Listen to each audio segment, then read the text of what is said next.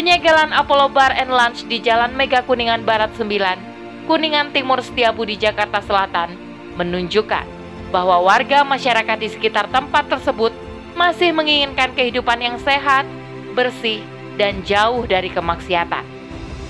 Menginginkan lingkungan yang baik berarti menunjukkan masyarakatnya masih peduli dan sadar, serta masih bisa menilai mana hal baik dan mana hal buruk. Selengkapnya, tetap di podcast Narasi Pos Media.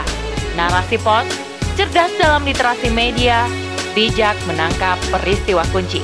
Bersama saya Dewi Nasya, inilah rubrik opini dengan judul Penyegelan Apollo Bar and Lunch, mampukah memberi efek jerah? Oleh Umu Nazri Najmi Nafis.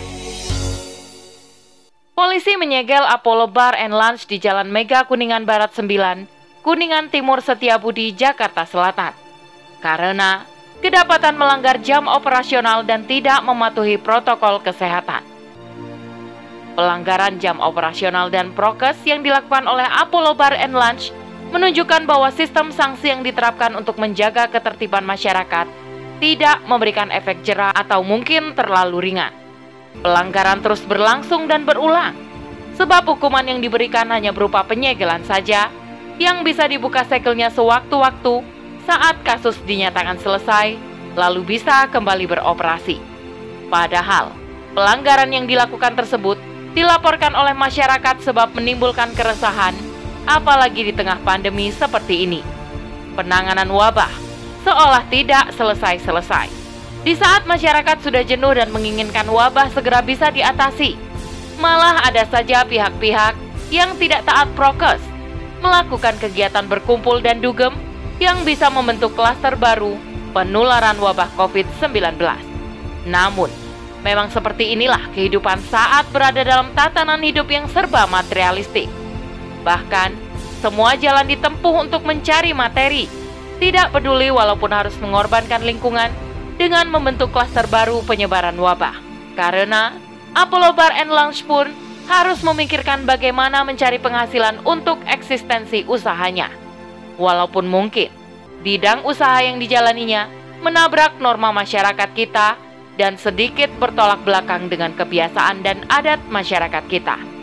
Inilah pil pahit yang harus kita telan di sistem sekuler kapitalisme manakala negara membiarkan aktivitas pelanggaran norma dan kebiasaan adat masyarakat terus terjadi sehingga menimbulkan keresahan pada warga masyarakat.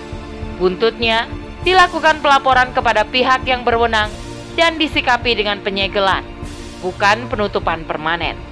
Padahal, dalam sistem Islam, jika terjadi pelanggaran yang sama secara berulang, maka negara akan menurunkan tim ahli untuk menyelidiki jenis pelanggaran yang dilakukan yang menyebabkan keresahan pada masyarakat. Jika pelanggarannya berupa pelanggaran hukum syariat, misalkan terjadi aktivitas perzinahan di tempat tersebut, atau aktivitas mabuk yang bisa menghilangkan akal dan kesadaran, atau aktivitas campur baur antara laki-laki dan perempuan yang mengarah pada kerusakan akhlak, maka tempat tersebut tidak hanya disegel, akan tetapi akan dihancurkan sebagai hukuman yang bisa memberikan efek jerah bagi para pelakunya. Selain itu, tidak akan diberikan izin untuk beroperasional kembali, sebab tempat tersebut merupakan tempat maksiat, sumber malapetaka kehidupan. Sistem Islam telah mewajibkan kepada negara untuk menjaga ketertiban masyarakat.